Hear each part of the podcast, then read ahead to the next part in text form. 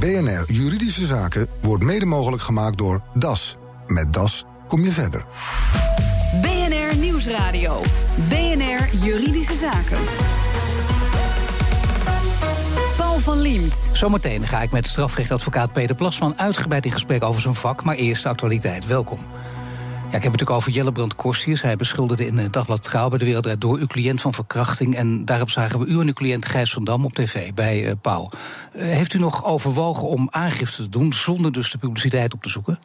Uh, nou, nee, wel aangifte, maar met een eenmalig optreden in, in de publiciteit om ja, voor Nederland een weerwoord te geven op deze ernstige beschuldiging die al meteen tot een veroordeling leidde. En wie wilde op tv? Wilde uw cliënt dat? Wilde Gijs van Dam dat of wilde u dat? Uh, mijn cliënt wilde dat en daar hebben we het over gehad. En uh, we waren het allebei over eens dat dat gewoon uh, eigenlijk gewoon niet anders kon. Hij, hij was gewoon gedwongen om dit te doen. Maar gedwongen om dat te doen, dat wil zeggen, je moet wel op tv komen, omdat je de enige manier om een groot publiek te bereiken. De andere partij heeft het ook gedaan, dus het kan niet anders, vind ik. Ja, zo was de situatie. Want als dit zou leiden tot een verdere speurtocht naar wie is, wie is hij, wie wordt hier bedoeld. Dan krijg je camera's op straat achter je aan. Dat leek ons geen goed idee. Uh, het was toch een kwestie van tijd. En uh, er is ook nog een effect van als je niks van je laat horen, ja, dan wordt automatisch aangenomen dat je schuld bekent. Zijn naam werd ook buiten de publiciteit gehouden. Zo gaat het altijd. Dat is heel keurig. Maar dat kan in deze tijd bijna niet meer. Hoe, hoe wist u zeker dat zijn naam uh, onder een grote deel van de bevolking bekend was? Nou, dat was niet zo. Zijn naam was bekend bij journalisten. Hij is naar aanleiding van de brief die Brand Korsjes eerst geschreven had, is hij door trouw benaderd mijn cliënt. Dus, want Kostjes heeft aan journalisten van Trouw zijn naam gegeven. Uh, nou ja, dan weet je dat het een kwestie van tijd is. Plus dat hij al werd benaderd door media, vorige week al. Dus uh, ja, dat ging rondzingen. En kwamen... Vorige week al gebeurd, ze wisten dus al wie hij was. Ze hebben ja. hem gevraagd, wil je naar buiten treden? Ja. ja. Toen wist hij dus, uh, ik moet wel, ik moet een, een, een, programma kiezen. Nu heeft u zelf meer mediaervaring, althans uh, in het naar buiten treden voor de camera dan uw cliënten. Hebt u hem geadviseerd welk programma hij moet kiezen? Uh, ik heb hem geadviseerd om bij Pauw te gaan zitten. Waarom? Omdat uh, daar goede afspraken gemaakt kunnen worden. Uh, het is scherp, maar niet gemeen. En uh, je krijgt de tijd. En het, uh, je kunt daar echt een goed gesprek voeren. En het is, uh, maar geldt hetzelfde niet voor de andere talkshows? Zou je toch net zo goed in de Wereld Door kunnen gaan zitten of in Late Night? Nou, ik vind de Wereld Door anders. Dat is sneller. dat is wat, wat ge, gejaagder. En dan zit je bij een van de vele items achter elkaar. En hier konden we de afspraak maken dat we gewoon een apart gesprek zouden hebben. En ja, mijn cliënt had natuurlijk ook geen zin in om voorafgaand aan zijn optreden een komiek te hebben. En na hem dat er weer gelachen zou worden. Dat, dus nee. Daar is het onderwerp niet geschikt voor. Dus dit was precies de goede setting. Is er ook uh, afgesproken, zijn er afspraken met het programma gemaakt, met Pauw, dus een programma Pauw gemaakt, uh, wie welke zendtijd, spreektijd krijgt, u en uw cliënt, of dat, gedeel, of dat verdeeld moet worden, met wie er begonnen gaat worden, is dat helemaal vooraf besproken? ja. De enige afspraak die gemaakt is, is vraag maar wat je wil. Ja, nou is het wel zo dat uh, ja, voor Gijs van uh, en voor Jillebrand Korsies is dit nu een heel groot verhaal. Uh, er zijn nu twee verhalen. mensen kunnen nu zelf bijna, het publiek kan kijken, wat is er aan de hand? Is dat voor u als advocaat ook de belangrijkste inzet geweest? Met andere woorden, verdeeldheid zaaien? Nee, nee, absoluut niet verdeeldheid zaaien. Er was, er was geen verdeeldheid, want mijn cliënt was veroordeeld. En uh, wat ik wilde bereiken was dat mensen aan het denken gezet zouden worden... op basis waarvan hebben wij eigenlijk deze man veroordeeld. En draconisch veroordeeld. Met de meest walgelijke betitelingen die hij heeft gekregen. En ook van mensen waar je het helemaal niet van zou verwachten. Geef eens een voorbeeld. Uh, Joep van het Hek, pisnicht. Uh, Matthijs van Nieuwkerk, smeerlap. Nou ja, Matthijs van Nieuwkerk zou dan uh, weer met dat woord smeerlap... zou hij weer een uh, citaat gewoon gebruikt hebben van uh, Hij noemde hem gewoon smeerlap. Dat was niet van, jij zegt dat het een smeerlap is. Hij, hij had het over de smeerlap. dat moet je niet zelf in je mond nemen, vind ik... als je op die positie zit. Maar dat is één van de vele. Het is, het is één grote scheldpartij geworden... waarbij de meest gore benamingen zijn gebruikt. En daar hebben wij tegenin willen gaan in die zin van op basis waarvan van welke feiten kom je nou eigenlijk tot dit standpunt? En uh, eigenlijk vanuit de gedachte, kennelijk is het zo dat als iemand een verhaal vertelt, dat dan de gedachte is, daarmee vertelt hij ook de feiten. maar u bent een uh, door de wol geverfde advocaat, dus u weet, uh, voordat hij op tv was, was hij voor, ja, werd hij beschuldigd. En voordat toen officieel voor de rechter is verschenen. nu ligt, ligt de zaak anders. Nou, hij werd niet alleen beschuldigd, hij werd veroordeeld. Hij was En al veroordeeld. En, en nu ligt het anders, omdat nu mensen. eh, er zijn natuurlijk heel veel mensen die zich niet in dis, dis- discussie hebben gemengd. Die waarschijnlijk van meet aan hebben gedacht: dit is een eenzijdig verhaal. En daarop baseer ik mijn oordeel niet. Maar er zijn ook misschien mensen die wel al een eh, standpunt hadden ingenomen. en gedacht: ja, hoe kom ik eigenlijk aan dat standpunt? Is uw cliënt onschuldig?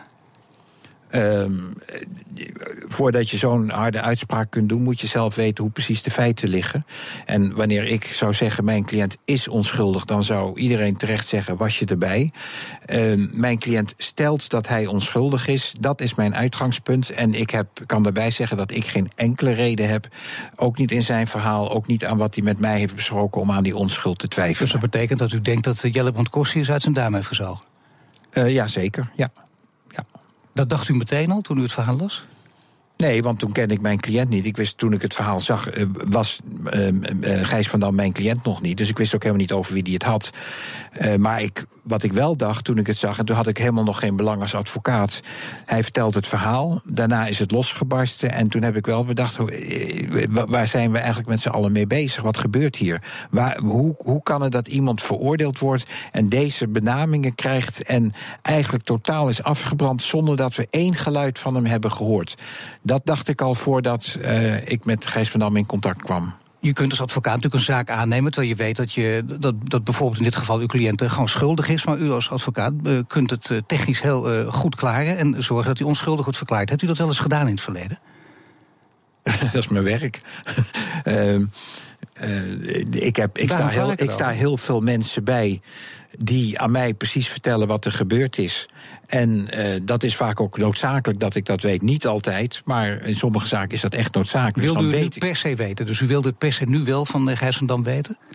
Iedereen kan in deze zaak bedenken dat wanneer je het risico neemt, want het is een risico om, ook al omdat het heel emotioneel is, om op eh, televisie je verhaal te gaan doen, zoals dat gisteren gebeurd is, dat je het van tevoren over de daadwerkelijke risico's moet hebben. En die hebben we, dat hebben we gehad, dat gesprek. En hij is daar gaan zitten. En daar kunnen mensen ook al, denk ik, flink wat conclusies aan verbinden. U zegt het is uw werk. Dat betekent, het is heel vaak zo geweest... u weet, uw cliënt is schuldig, maar u heeft hem toch vrij weten te pleiten. Ja, nou heel vaak, maar dat gebeurt. Dat Ja, gebeurt. Dat gebeurt, ja. Dat gebeurt. En Dus- hoe, hoe, gaat dat dan? Ik bedoel, eh, uw collega Hiddema heeft wel eens gezegd... ja, er moet toch iets als eh, advocaat met je geweten aan de hand zijn... wil je dat voor elkaar krijgen? Nee, er moet iets met je geweten aan de hand zijn als je dat niet voor elkaar krijgt. Want als ik advocaat zou zijn en ik zou me laten beïnvloeden door wat mijn cliënt vertelt over schuld of niet schuld. In mijn werk, dat ik dan bijvoorbeeld zeg: Oh, ben jij schuld, dan hoef ik minder mij, goed mijn werk te doen. Want dan is het, zou het terecht zijn Nee, maar dat laat je ik dan een extreem voorbeeld geven. U heeft ooit een moordenaar vrij weten te pleiten. Vaker. Ja, en dan gaat u toch niet met, met een pijnlijk gevoel naar huis? Of denkt u dan, nou, ik heb deze zaak eh, keurig geklaard? Ja, dat denk ik, dat laatste. Dat en laatste. ik zou met een heel vervelend gevoel naar huis gaan als ik zou denken: ja, ik wist dat hij het had gedaan. Ik heb hem wat minder uitgesloofd. En nu is hij veroordeeld. Want dan zou ik denken: ik heb, mijn nee, ik heb niet gedaan waar deze man mij voor heeft Nee, dat ingehuurd. snap ik ook. En dat hoort ook bij het systeem. Zo'n rechtssysteem hebben wij natuurlijk. En u heeft uw werk ook dan goed gedaan. Maar ondertussen weet je, ja, ik heb wel een moordenaar op vrije voeten gesteld. Dat hebt u niet gedaan, maar u weet dat hij, dat hij rondloopt. Ja, dat is wel een essentieel verschil Zeker. of je dat gedaan hebt of dat je dat hebt nee, bereikt. natuurlijk. Maar u weet eh, dat hij, dat hij daar eh, weer rondloopt. Het is heel simpel. Er zijn twee partijen, de officier van justitie en ik. De officier wil mijn cliënt achter de tralies en mijn cliënt wil dat niet. Daar huurt hij mij voor in om te kijken of dat haalbaar is. En uiteindelijk krijgt de rechter alle argumenten, heeft het hele dossier en de rechter beslist. We hebben het nu over uw cliënt Gijs van Dam. Eh, daar gaat het over eh, niet alleen maar eh, dwingen tot seks, maar ook een poging tot drogeren. Eh, moet dat allebei los van elkaar behandeld worden? Nou nee, dat staat natuurlijk in direct verband met elkaar. Want wanneer, je, eh, wanneer iemand seks heeft met een ander als gevolg van het feit dat hij gedrogeerd is, dan raakt dat de wil, de vrije wil. Dus dat kan niet los van elkaar gezien worden. Nou ja, dat is een hele interessante kwestie, hè, de vrije wil. Want je zou zomaar wat eh, cognitieve neurologen erbij kunnen halen... Die, eh, die de vrije wil in twijfel trekken. Ik noem maar één, Ja, Victor ja, ja, noem maar nog geen Dick Ja. Swaap. Zou dat ook kunnen? Zouden die in deze zaak ook nog een oordeel kunnen uitspreken? Dat weet ik niet. Dan zou ik, eh, moet ik eerst weten wat er precies, eh, hoe, hoe, hoe het precies, eh, wat, wat brandkostjes over de feiten gaat vertellen. Want dat is natuurlijk nu erg magertjes wat hij verteld heeft over wat zich daar zou hebben afgespeeld. Dat roept allerlei vragen op. En voor de hand liggende vraag is bijvoorbeeld: je zegt dat je gedrogeerd bent in de lobby van een hotel. Nou, daar ben ik nog niet zo tegengekomen. Want vervolgens zou die dan ook gedrogeerd naar die kamer moeten zijn gegaan. Waar allerlei mensen bij zijn. Dus ik, ik, ik ben benieuwd wat hij daarover te vertellen heeft. En volgens mij is het zelfs zo dat hij niet eens weet of hij gedrogeerd is. Zometeen praat ik verder met Peter Plasman. Dan gaan we het hebben over strafrecht en politici. BNR Nieuwsradio. BNR Juridische Zaken. Deze week is Peter Plasman te gast. Hij is strafrechtadvocaat. We gaan heel veel andere onderwerpen bespreken. Maar nog één ding over die zaken met Jellebrand Korsjes en uw cliënt. Uh, Jellebrand Korsjes begon met een uh, groot verhaal in Trouw. Uh, gaat Trouw hier ook nog iets van merken? Want ze hebben wel met Van Dam gesproken, zeggen ze, maar niet zijn weerwoord afgedrukt. Uh, ik doe de strafrechtelijke kant van de zaak. En uh, mijn cliënt wordt in de civiele kant wordt hij bijgestaan door een andere advocaat. Ik ga ervan uit. Uh, daar is natuurlijk wel overleg over dat trouw hiermee nog niet klaar is. Maar wat betekent dat? Want het is natuurlijk de civiele kant, dat weet ik. Maar u zegt u heeft er al overleg over met de andere advocaat die dat regelt, maar nog niet klaar is. Wat kan er dan gebeuren met trouw? Uh, nou, die kunnen aansprakelijk gesteld worden voor de uh, schade die mijn cliënt leidt en gaat leiden. Dat, dat, dat is een mogelijkheid en dat, ik neem aan dat het ook gaat gebeuren. En dat betekent uh, financiële genoegdoening? Ja, schadevergoeding is altijd uh, financieel. Het zou rectificatie kunnen zijn. Uh, dat, dat, daar hebben ze overleg over. Dus, maar uiteindelijk, uh, de manier waarop het gegaan is... het niet plaatsen van een weerwoord... eigenlijk suggereren dat er geen weerwoord gegeven is... ja, dat is voor een journalist denk ik min of meer een doodzonde. Er is er deze week veel meer voor u gebeurd. Een man die u bedreigde, zelfs een ruit van uw kantoor ingooide in Amsterdam... Uh, omdat hij, dat u zijn vrouw bijstond, onder andere. Die kreeg onlangs tien maanden, waarvan drie voorwaardelijk. Ja. Wat vindt u van de hoogte van die straf? Uh, die vind ik passen bij wat de rechter bewezen heeft verklaard. Het was overigens, ik, ik heb niets met die man, ik stond ook zijn vrouw niet bij. Dat is één grote. Ik ken de man dat is niet. ook alweer naar buiten gekomen. Ja, dat is een van de redenen, maar dat is gewoon niet waar. Dus. Ik ken de man niet, ik ken die vrouw niet, nooit gesproken. En u weet ook nooit dat zijn echte beweegredenen zijn geweest. Nee, nee. Het kan gewoon zijn dat hij dacht, nou die plasman met een kale kop. Nee, nee, nee, kan hij, hij, niet zal, nee, nee, nee, hij heeft gedacht dat ik iets, uh, dat, ik, dat ik die vrouw bijstond als advocaat en zo, maar dat was ten onrechte, want dat was niet zo. Ik heb hem nog nooit gesproken. Dus hij heeft, Hij heeft overigens niet één ruit ingegooid, was het maar zo. Hij heeft alles. Eerst één en de volgende dag alles. Dus Nee, helemaal bedreigend. Hij heeft u al, op, niet alleen via social media, maar in, in werkelijkheid dus ook een paar keer bedreigd. Ja.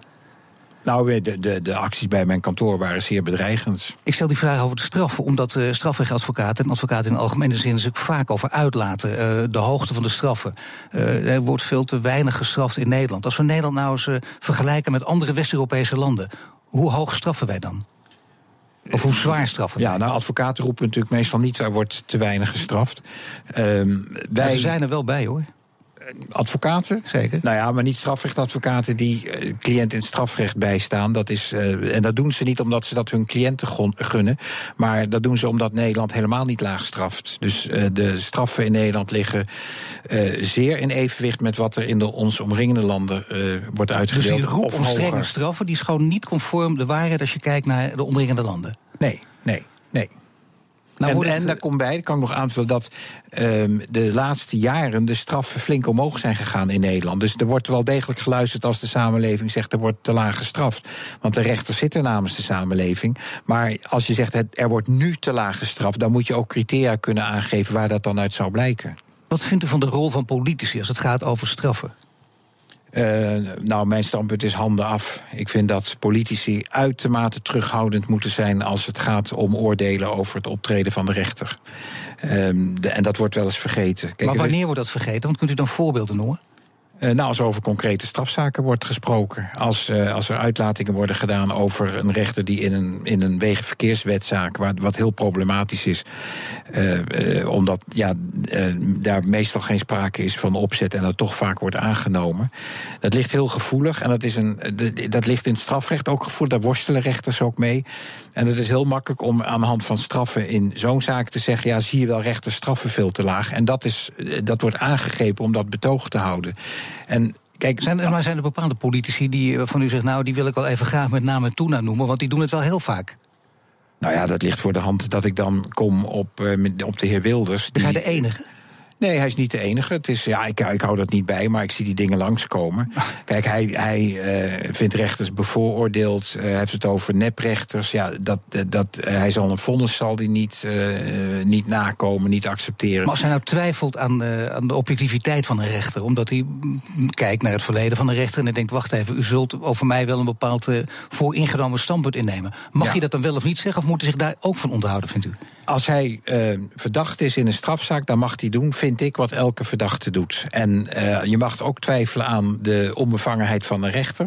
Maar daar hebben we gewoon in ons systeem hebben we daar een mogelijkheid om dat aan de kaart uh, uh, aan de, om dat te betogen.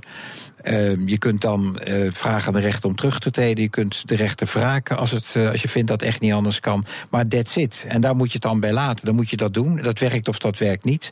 En dan moet je niet vervolgens allerlei kwalificaties over die rechter loslaten als je je zin niet krijgt. Maar voor de duidelijkheid, dat geldt dus niet alleen voor Wilders, dat geldt voor veel meer politici. Die zouden een mond moeten houden en, en niet op, op basis van incidenten, of in ieder geval één stuk eruit pakken en dan een oordeel vellen. Politici die maken, zijn betrokken bij wetgeving en die mogen, wat mij, wat mij betreft, van alles zeggen over hoe het in Nederland toegaat met strafrechtspleging. Daar kunnen ze mening over hebben, ze kunnen daar bepaalde doeleinden bij hebben, die kunnen ze nastreven. Maar ze moeten afblijven van uh, concrete strafzaken, mening over wat een rechter in die zaak heeft gedaan. Want als je die mening hebt, dan zeg je eigenlijk: ik sta boven die rechter. En dat is niet de bedoeling, dat is niet ons systeem. En politici moeten zich als geen ander realiseren dat wanneer je gaat knagen aan uh, het aanzien van de rechter, het gezag van de rechter, het, het respect voor de rechter, dan knaag je aan de rechtsstaat. Want als de rechter wegvalt omdat hij niet meer uh, geloofwaardig wordt geacht, gelukkig is dat in Nederland absoluut niet het geval. Maar je, je kan daar niet voorzichtig genoeg mee zijn. Want je gooit iets weg terwijl je er niks voor in de plaats krijgt. Geldt ook voor advocaten? Zouden politici eh, zich minder laatdunkend over advocaten bijvoorbeeld uit moeten laten? Nou, daar heb ik zelf niet zo moeite mee, want wij kunnen gewoon onbelemmerd tegengas geven. En advocaten dus over politici? Vind ik ook geen probleem. Dus u gaat nog even lekker door ook. Ook met neming en Als ik, als ik wat, wat te melden heb over politie, zou ik dat zeker doen. Maar omgekeerd mag dat voor mij ook. En de nieuwe minister van Justitie, Ferdinand Grapperhaus. Uh, zou dat een van zijn taken kunnen zijn? Om politici, als, uh, zoals u dat nu betoogt, in de fout gaan om die op de vingers te tikken? Uh, ja, dat vind ik wel. Dat dat uh, bij een minister die uh, geworteld is in, in de advocatuur, ja. dat hij ook met dat perspectief naar. Kent u hem vrij goed of niet? Nee, ik ken hem niet. Nee, ik ken hem helemaal niet. Ik ken hem niet. Nee. Verwacht u wel dat hij het gaat doen op basis van wat u over hem hoort? ik, nee, ik, ik, ik ben altijd zo. Ik ga eerst kijken wat er gepresteerd wordt en dan ga ik een oordeel krijgen. Oh, een redelijke man, hè? Dat is niet ja, maar dat vind altijd, ik, niet meer, ik vind het niet meer dan logisch. Kijk nee. eerst wat iemand doet en dan kun je zeggen, nou dat doet hij goed of dat doet hij niet goed. Doet u wel eens wat tegen de wet of niet? Ik? Ja. Uh, nou, het schijnt dat je in Nederland niet, uh, niet uh, boven bepaalde snelheden mag komen. En dat, dat, ja, helaas overkomt ja. mij dat. Ik, ik, ik zag net een nieuwe motor buiten staan. U heeft ook een nieuwe motor, toch? Ja, of niet? Ja, ja, ja, ja. die is gloednieuw. Ja. ja. Dat is, ja, ik, ik doe het heel rustig hoor. Ik krijg, maar ik, ik, ik krijg altijd van die administratie. Ik noem het eigenlijk snelheidsbelasting. Dan uh, rij je zes kilometer te hard en dan betaal je nog administratiekosten. En ja, het, het is nou helemaal. Ik let niet altijd op. Ik ga niet bewust heel hard rijden hoor. Maar soms dan accelereer je en dan staat er net, uh, rij je net langs een camera. Het hoort erbij. U nam het net op uh, voor, voor, de rechters. Uh, de rechtspraak zelf zou zich ook beter kunnen verdedigen. Bijvoorbeeld Frits Bakker van de Raad voor de Rechtspraak. Je zou zeggen, klim wat vaker in de pen of uh, treed wat vaker naar buiten. Of ga wat vaker voor een camera zitten. Zou u hem dat aanraden? Ja, ik vind dat dat rechters uh, nog meer dan nu al een beetje begint te komen van zich kunnen laten horen. Niet om zich te verdedigen. En zeker niet om uh, een beslissing in een strafzaak nog eens een dunnetjes over te doen. Want de beslissing is het vonnis. Daar kan een toelichting bij komen. Dan nog liefst van de rechter die niet het vonnis heeft gewezen. Maar ik vind dat men best iets kan zeggen over bijvoorbeeld de rechtspraak in zijn totaliteit. De achtergrond van straffen. de dilemma's waar rechters mee worstelen. Maar ik zeg erbij, de laatste tijd zien we dat ook ook al, uh, ik, ik, nou, dat zeg ik zelf zien we, dat wil ik niet zeggen. De laatste tijd gebeurt dat ook al steeds meer. Oh ja. De corrigeert u zelf ook heel mooi. Ja, want ik heb een hekel aan het woord voorzien. En als je kijkt, dan zie je. En als je niet naar de cijfers kijkt, dan zie je niet. Dat soort, daar erg ik me dood aan. Maar goed, dat is even iets anders. Uh, de laatste tijd gebeurt het al veel meer. De rechters zijn bijvoorbeeld verschenen bij Koen Verbraak. Nou, dat vond ik echt hele nuttige televisie. Dat rechters ook een inkijkje geven. Los van een concrete zaak, maar dat, dat, dat, dat zou ze vaker moeten doen. Dat mag, wat mij betreft, mag dat vaker. U bent ook politicus. U deed mee aan de verkiezingen met de Partij voor de Niet-Stemmers. Hoe is het met die partij? Opgeheven inmiddels? Uh, nou, die partij die houdt zich voor 100% aan de verkiezingsbelofte, namelijk niet stemmen. Hartelijk dank, Peter Plasman. BNR Nieuwsradio. BNR Juridische Zaken. Met de nieuwe Europese privacywetgeving gelden vanaf 25 mei volgend jaar nieuwe regels voor het opslaan van persoonsgegevens. En daar krijgt de autoriteit persoonsgegevens regelmatig vragen over. Het verslag is van Nelleke van der Heijden. Madeleine Verhoef, jij werkt op de front office van de autoriteit persoonsgegevens. Wat voor soort vragen kom je nou zo al tegen? Nou, van de week had ik een eigenaar van een uh, webwinkel voor games uh, aan de telefoon. En die vroeg zich af of hij als organisatie onder de algemene verordening persoonsgegevens van kinderen mocht verwerken. Aleid Wolfs van de Autoriteit Persoonsgegevens. Wat mag je als organisatie nou precies doen met gegevens van kinderen? Kinderen, dat is een uh, kwetsbare doelgroep. Ze zijn natuurlijk jong, zich aan het oriënteren vaak op het internet, zijn vaak ook nog naïef. Weten niet dat als je één keer ergens iets hebt geplaatst op het internet, dat het de rest van je leven er kan blijven staan. Dus die moet je extra beschermen om die reden. En uh, bij kinderen mag je niets, tenzij er toestemming is. Dus als een kind, een minderjarig kind onder de 16 iets wil doen, dan moeten de ouders daar, dat zijn de wettelijke vertegenwoordigers van die kinderen, daar toestemming voor geven. En hoe weet je nou zeker dat die ouders ook echt toestemming hebben gegeven? Ja, dat is een lastig punt. Degene die die toestemming vraagt, moet zich daar heel goed van vergewissen. En die toestemming moet altijd vrij zijn, specifiek, goed geïnformeerd en ondubbelzinnig. Dus niet in kleine lettertjes of zo. En je moet ook echt weten dat het de wettelijke vertegenwoordiger is van dit kind. Dat is best risicovol. En als, de, als wij dat gaan beoordelen, bijvoorbeeld op basis van een klacht, dan zullen we ook kijken of het onderzoek wat diegene die toestemming had gevraagd, of, er, of er ook zorgvuldig is geweest en goed en grondig. Maar er zullen absoluut dingen mee misgaan. Even een concreet voorbeeld. Een school die wil misschien van schoolreisjes of van leuke events foto's op de website plaatsen. En daar staan dan natuurlijk kinderen op. Mag dat? Een onderwijzer die op een school lesgeeft, die moet natuurlijk alles kunnen doen met die gegevens wat belangrijk is om, het goed, om goed onderwijs te kunnen geven. Dus die mogen in dat kader best veel. Maar als het gaat om het openbaar maken van die foto's, of het plaatsen van foto's van kinderen op het internet, dat mag niet. Tenzij iemand daar weer gewoon toestemming voor geeft. Maar dan ook dan weer geldt, het moet de wettelijke vertegenwoordiger zijn van het kind. En nog één waarschuwing daarbij. In Europa wordt in die verordening de leeftijd een beetje vrijgelaten. Dus een land kan kiezen vanaf welke leeftijd een kind zelf vrij toestemming kan geven. In Nederland wordt dat zo goed als zeker 16 jaar. Maar er zijn andere landen in Europa die kiezen waarschijnlijk voor een lagere leeftijd, 13 of 14 jaar. Dus tegen ondernemers specifiek zeg ik: kijk even in het land waarin je actief bent, wat de leeftijd is waarop een kind zelf toestemming kan geven. Goed letten op de regels van het land waar je opereert. Dus dat zegt voorzitter Aleid Wolfsen van de Autoriteit Persoonsgegevens... in de verslag van Nelke van der Heijden. Heeft u ook een juridische vraag? Mail hem naar juridischezaken.bnr.nl. En dit was de uitzending voor vandaag. U kunt de show terugluisteren via bnr.nl slash juridische zaken. Mijn naam is Paul van Diemt. Tot de volgende zitting. BNR Juridische Zaken wordt mede mogelijk gemaakt door DAS. Met DAS kom je verder.